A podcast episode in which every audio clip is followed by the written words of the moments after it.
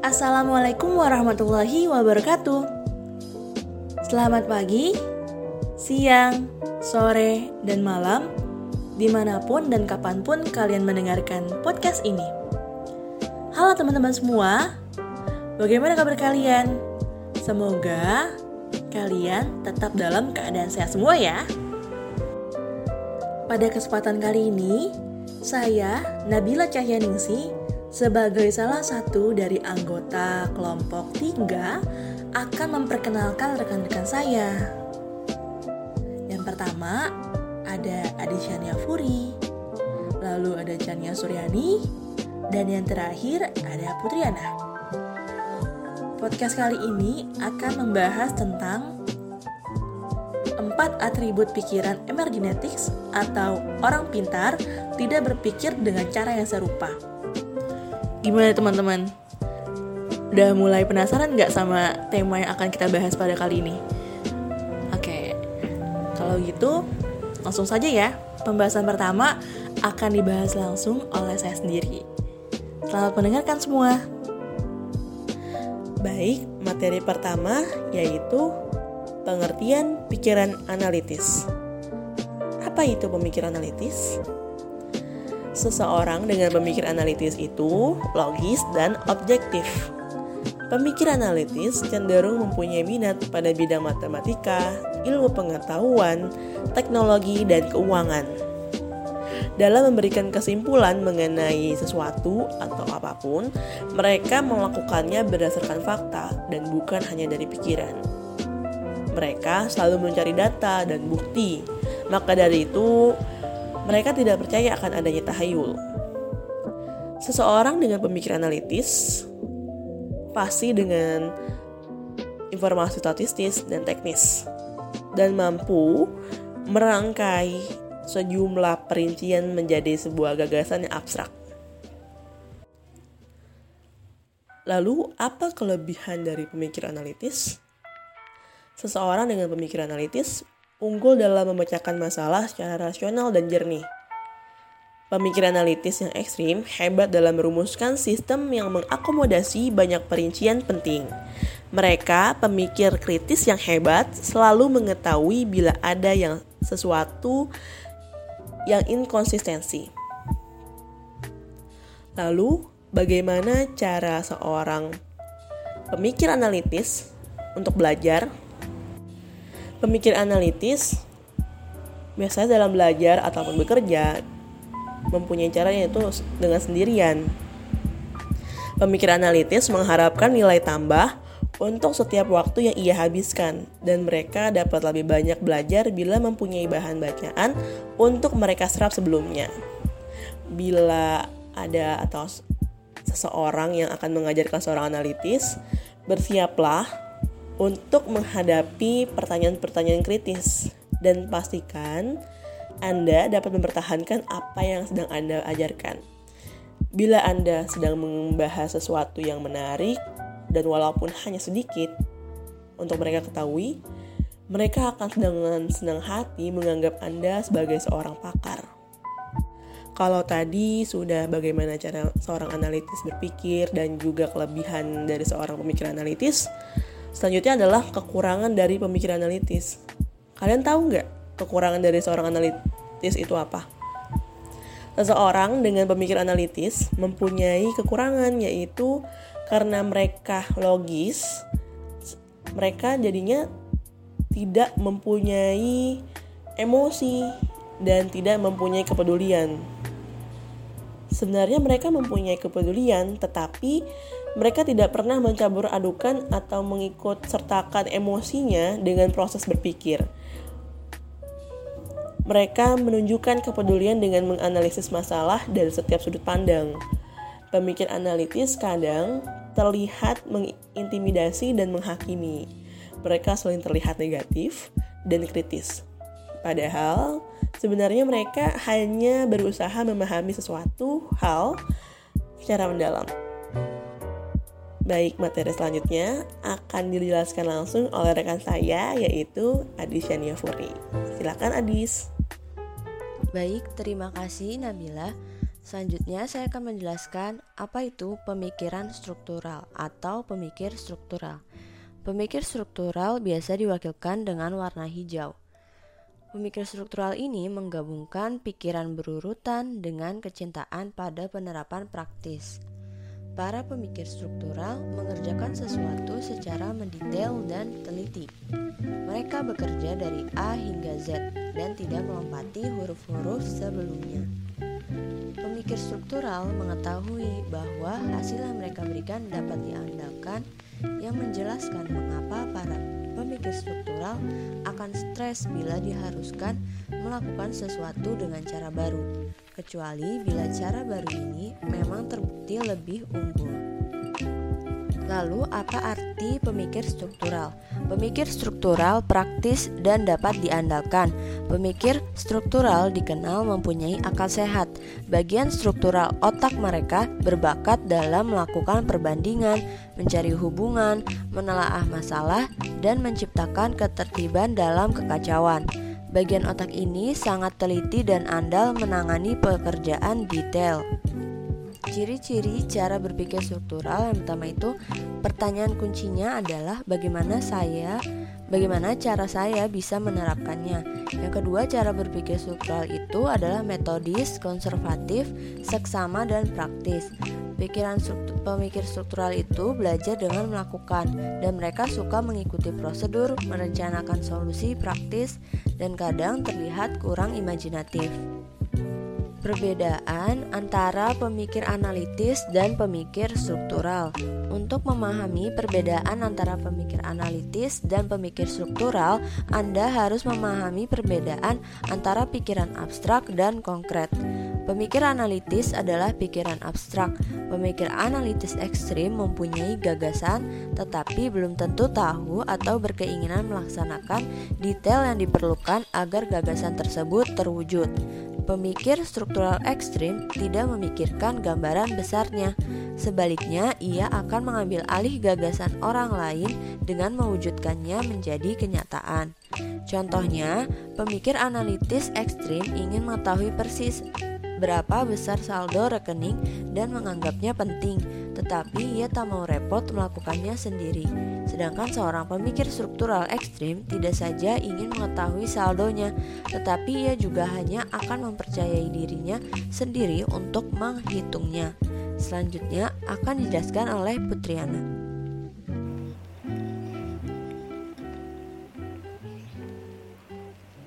Baik, terima kasih Adis.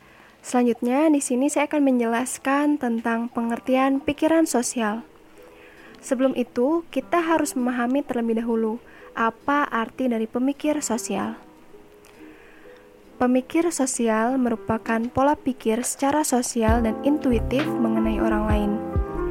Intuitif berarti kemampuan memahami sesuatu tanpa melalui penalaran rasional dan intelektualitas, seperti pemikir analitis dan pemikir struktural. Orang-orang yang berpreferensi pemikir sosial suka berteman dan menjalin hubungan dengan orang lain. Karena sensitif, mereka sering dianggap emosional atau perasa.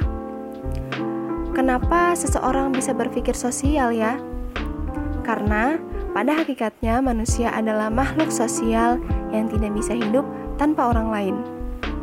Sehingga pada setiap individu pasti terdapat bagian sosial pada otaknya. Bagian sosial otak itulah yang membuat kita mempunyai empati dan simpati terhadap seseorang. Lalu, bagaimana cara pemikir sosial memecahkan suatu masalah?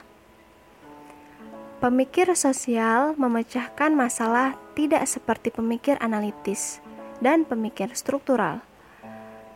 Ia ahli menggunakan sumber daya yang penting, yaitu orang lain. Langkah pertama yang biasa dilakukannya adalah meminta pendapat orang lain. Pemikir sosial ekstrim mengandalkan perasaan atau intuisinya saat mengambil suatu keputusan atau pilihan. Lalu, adakah kekurangan dari pemikir sosial ini? Bila pemikir sosial tidak merasa memiliki kaitan pribadi dengan hal tertentu, pikirannya akan melayang beralih ke hal-hal lain. Orang-orang dengan profil sosial ekstrim biasa sangat terobsesi dengan suatu persoalan dan membuat repot orang lain dengan hal-hal yang tidak dapat dipahami. Lalu, bagaimanakah cara berpikir sosial? Yang pertama adalah pertanyaan yang menjadi suatu kunci terhadap berpikir sosial, yaitu bagaimana perasaan saya tentang hal ini. Lalu, cara berpikir sosial itu adalah menjadikan sesuatu ke dalam kepedulian pribadi, berempati, dan intuitif. Pemikir sosial belajar dengan memperhatikan sesuatu dan terlibat di dalam prosesnya. Pemikir sosial juga suka membangun suatu tim, bergabung dalam suatu tim, dan memperhatikan orang lain di dalamnya. Lalu, sering kali pemikir sosial, terutama yang bersifat sosial, mungkin terlalu emosional terhadap sesuatu. Begitulah pengertian dan penjelasan terkait pemikir sosial yang bisa saya sampaikan. Selanjutnya adalah pemikiran konseptual yang akan disampaikan oleh rekan saya yaitu Chania Suryani. Silakan Chania.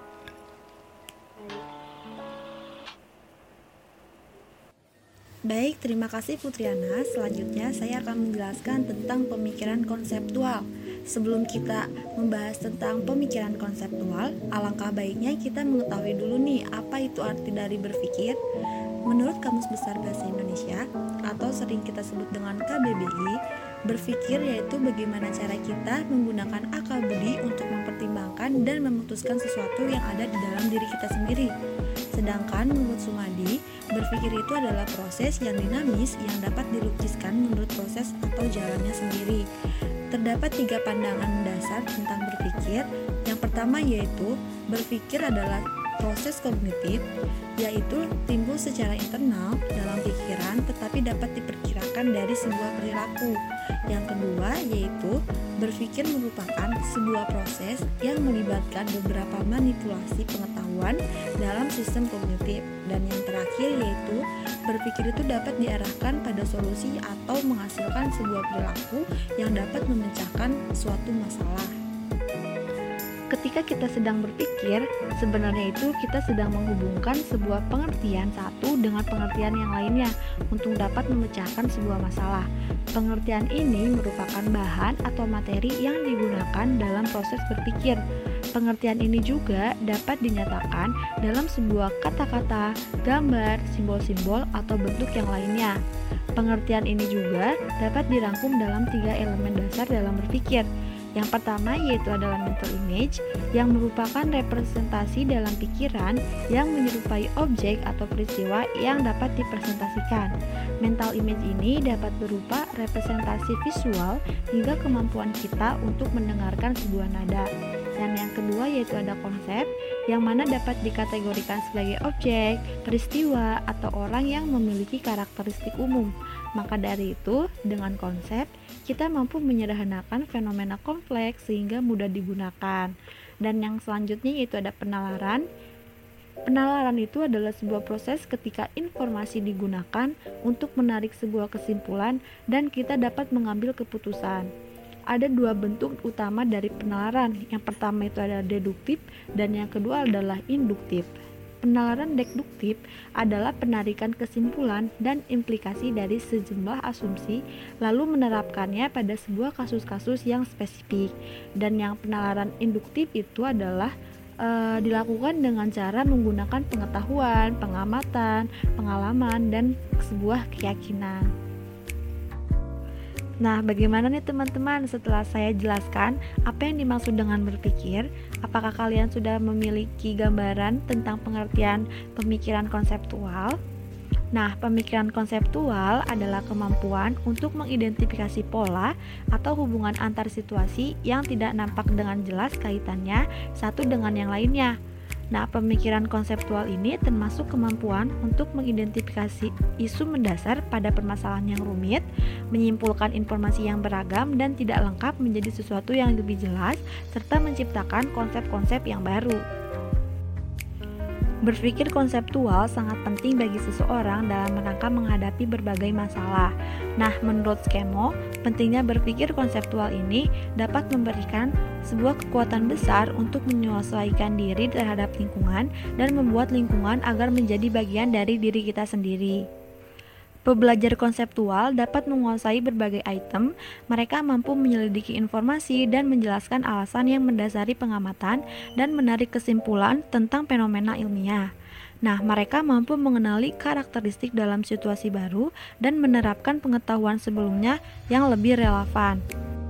Pemahaman seorang pemikir konseptual adalah manifestasi pengetahuan yang dikumpulkan, bukan pengetahuan yang sesaat. Yang selanjutnya yaitu ada penerapan pemikiran konseptual dalam pemecahan masalah matematika.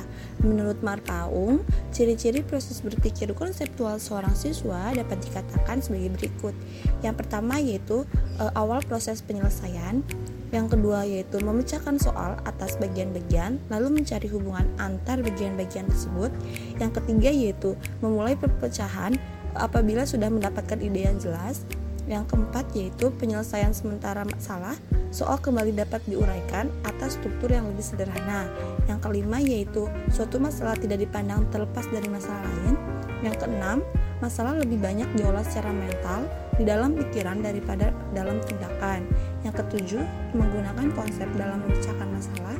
Yang kedelapan, mampu menjelaskan langkah-langkah pemecahan masalah yang dilakukan. Sedangkan menurut Hezmi, Prosedur pemecahan pada tingkat metastrategi konseptual memiliki ciri-ciri sebagai berikut. Yang pertama yaitu menciptakan gambaran dalam pikirannya tentang masalah secara keseluruhan. Yang kedua, menganalisis untuk menemukan struktur inti.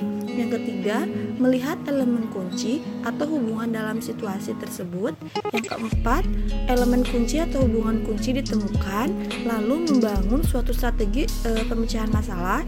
Yang kelima, mengarahkan pemecah masalah untuk mencapai tingkatan yang lebih tinggi terhadap pemahaman situasi dan masalah.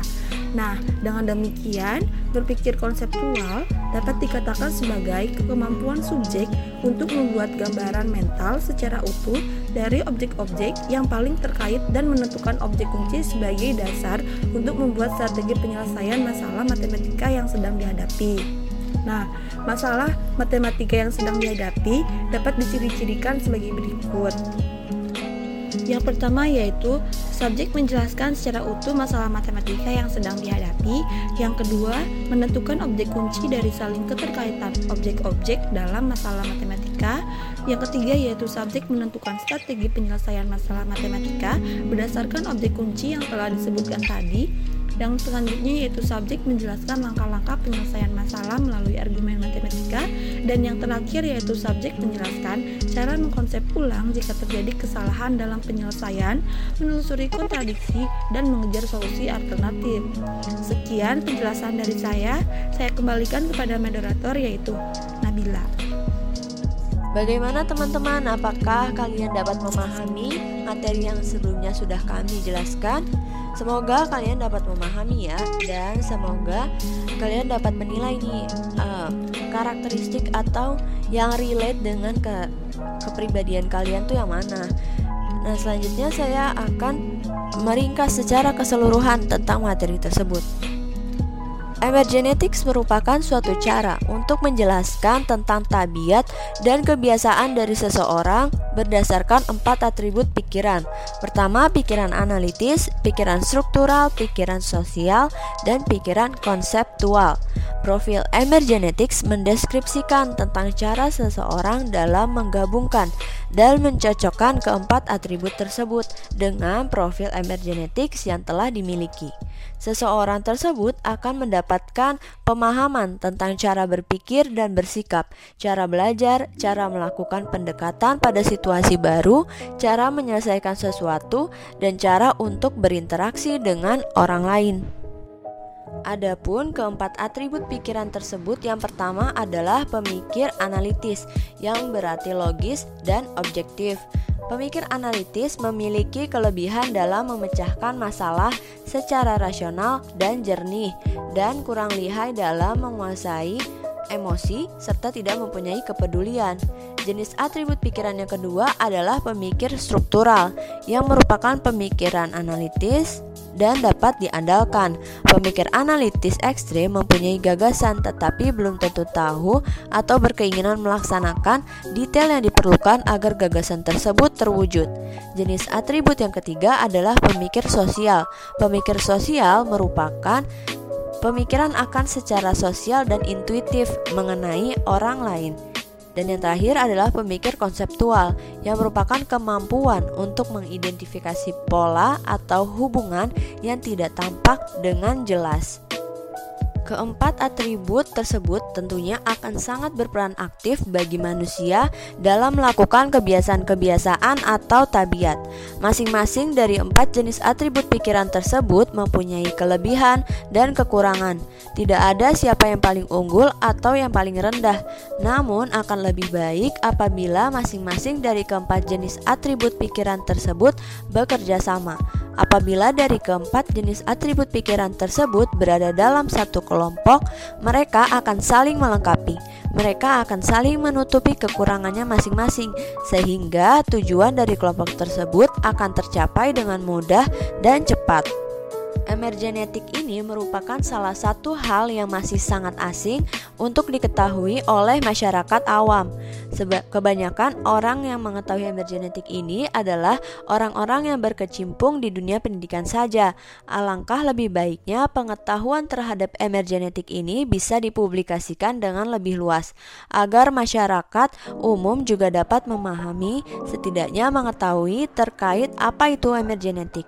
Maka dari itu, Saran dari kelompok kami, kita sebagai mahasiswa yang memiliki peran dalam pendidikan seharusnya bisa mengedukasi masyarakat luas terkait emergenetik ini dengan cara membuat tulisan atau mikroblog yang disebar melalui sosial media mengenai emergenetik atau melalui cara lain yang bisa menjangkau masyarakat secara luas bukan hanya kalangan pengajar atau pelajar saja.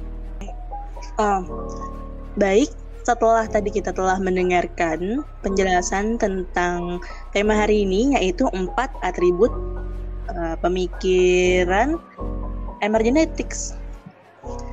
Nah, jadi kita jadi tahu nih kita termasuk ke tipe yang seperti apa.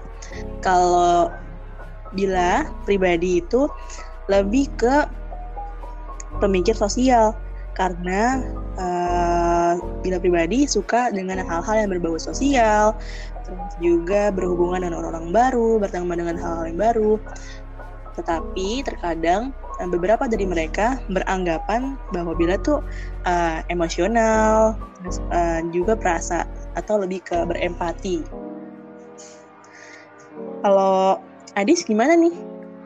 Kalau aku sih lebih uh, mungkin dominannya ke sosial ya, tapi pikiran analitis sama strukturalnya strukturalnya tuh ada juga.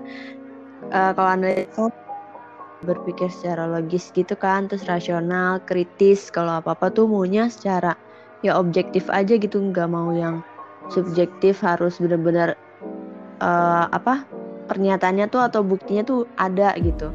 Kalau dari strukturalnya juga kan Adis apa ini banget ya terperinci banget teratur banget kalau ngerjain apa-apa atau misalkan kita ada tugas ya kalian juga tahu kan Nadis tuh kayak gimana?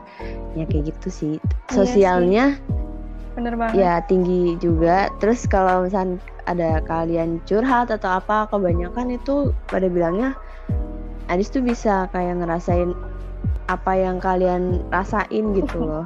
Ya, Jadi connect-nya tuh kenceng banget. Iya sih bener Jadi- banget. Tapi kadang Adis juga kayak ya udah sih nggak usah terlalu diribetin, rasional banget pemikirannya itu. Terus kadang Ya, perfeksionis. ya itu bener banget sih Chan. oh gitu. Terus yang lain gimana? Lebih ke apa kalian pemikirannya? Nah, kalau Chania sih kayaknya lebih ke pemikiran sosial deh. Karena Chania itu seneng banget melibatkan orang lain dalam mengambil keputusan dan tindakan yang akan Chania lakukan ke depannya. Kayak misalkan contoh kecilnya aja nih, Chania kan selalu nanya nih ke kalian nih kayak "Eh, bagus gak sih kalau Chania pakai baju ini sekarang? Kalau enggak, salah gak sih Chania tadi ngelakuin ini ini itu apa dan lain sebagainya. Betul. Iya Iya gak sih? bener banget sih. Nah terus tuh kalau misalkan Chania punya masalah yang menurut Chania itu rumit, kadang tuh Chania jadi riweh atau rungsing sendiri gitu nggak sih? Terus kan benar. akibatnya itu jadi ke orang yang Chania eh, repotin itu, dia tuh ngerasa kalau Chania tuh ngerepotin dia atau kayak Chania tuh terlalu melibatkan orang lain dalam Orang masalah lain, Chania iya. sendiri gitu. Iya bener banget Iya sih. emang bener banget sih. Iya, kadang riwehnya dia tuh bikin kita nggak ngerti gitu ya. Kenapa sih sebenarnya? Iya, gitu. Maunya tuh gimana Iya, gitu kan? Karena apa-apa dia tuh sukanya sharing, apa-apa sukanya diutarakan secara langsung gitu. Sosial banget nggak tuh? Sosial banget.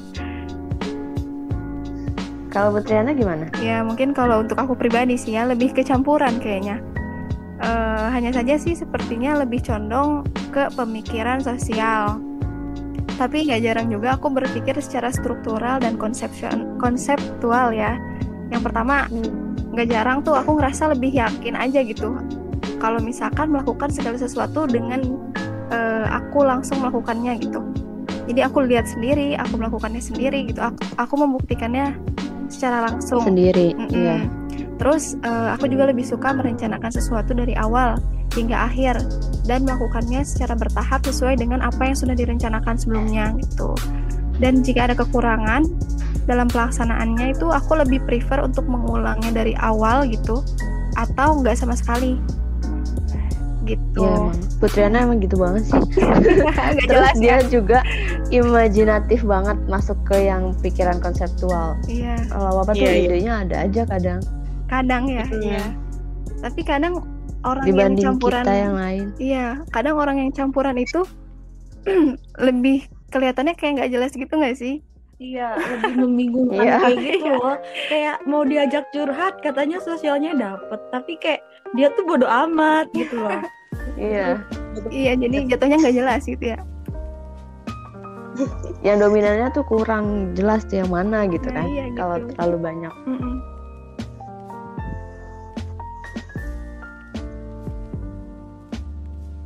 Udah. Ya, jadi mungkin kesimpulannya, kayaknya rata-rata orang punya deh ya pola pikir secara sosial. Iya. Pasti ada sih. Iya, cuman ada yang lebih dominan ke mana, ke pola pikir yang mana. Kadarnya beda-beda ya. Iya, betul banget tuh. Karena kan eh, seperti materi yang udah disampaikan sebelumnya, setiap manusia itu eh, adalah makhluk sosial gitu ya, membutuhkan orang lain dalam setiap eh, langkah hidupnya gitu ya.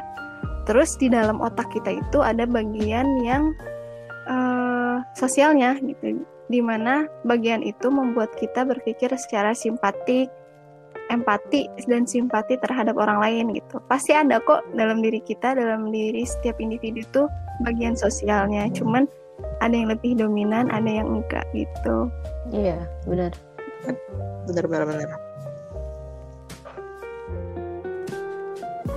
Mungkin kalau misalkan dari pendengar nih ya, setelah mendengarkan tentang eh, empat atribut pemikiran dari kelompok kami, menurut kalian, kalian termasuk ke dalam atribut pemikiran yang mana sih? Nanti kalian bisa jawab sendiri pada saat kalian sudah mendengarkan podcast kami ya. Iya, harapannya setelah kalian mendengar podcast ini, kalian lebih bisa memahami diri kalian sendiri. Kira-kira aku tuh kayak gimana sih orangnya? Terus eh, aku harus Iya. gimana menghadapi orang lain yang seperti ini gitu. Mm-mm, Betul banget. Kita juga jadi lebih tahu nih kalau eh, kan kalian udah tahu nih kurang dan lebihnya dari tipe-tipe pemikiran yang telah disebutkan tadi. Nah, itu berguna loh buat nanti jadi lebih tahu nih, oh, ini kekurangan kita apa ya, kelebihan kita, oh kayak gini jadinya ya gitu.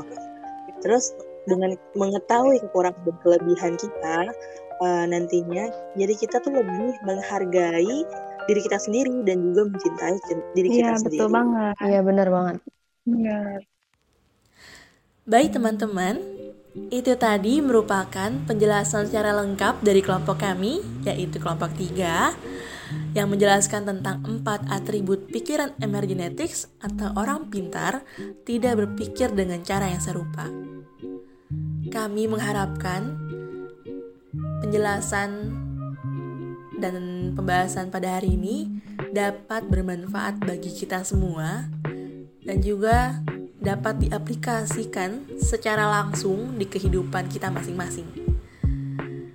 Akhir kata saya ucapkan, terima kasih atas perhatiannya, dan wassalamualaikum warahmatullahi wabarakatuh.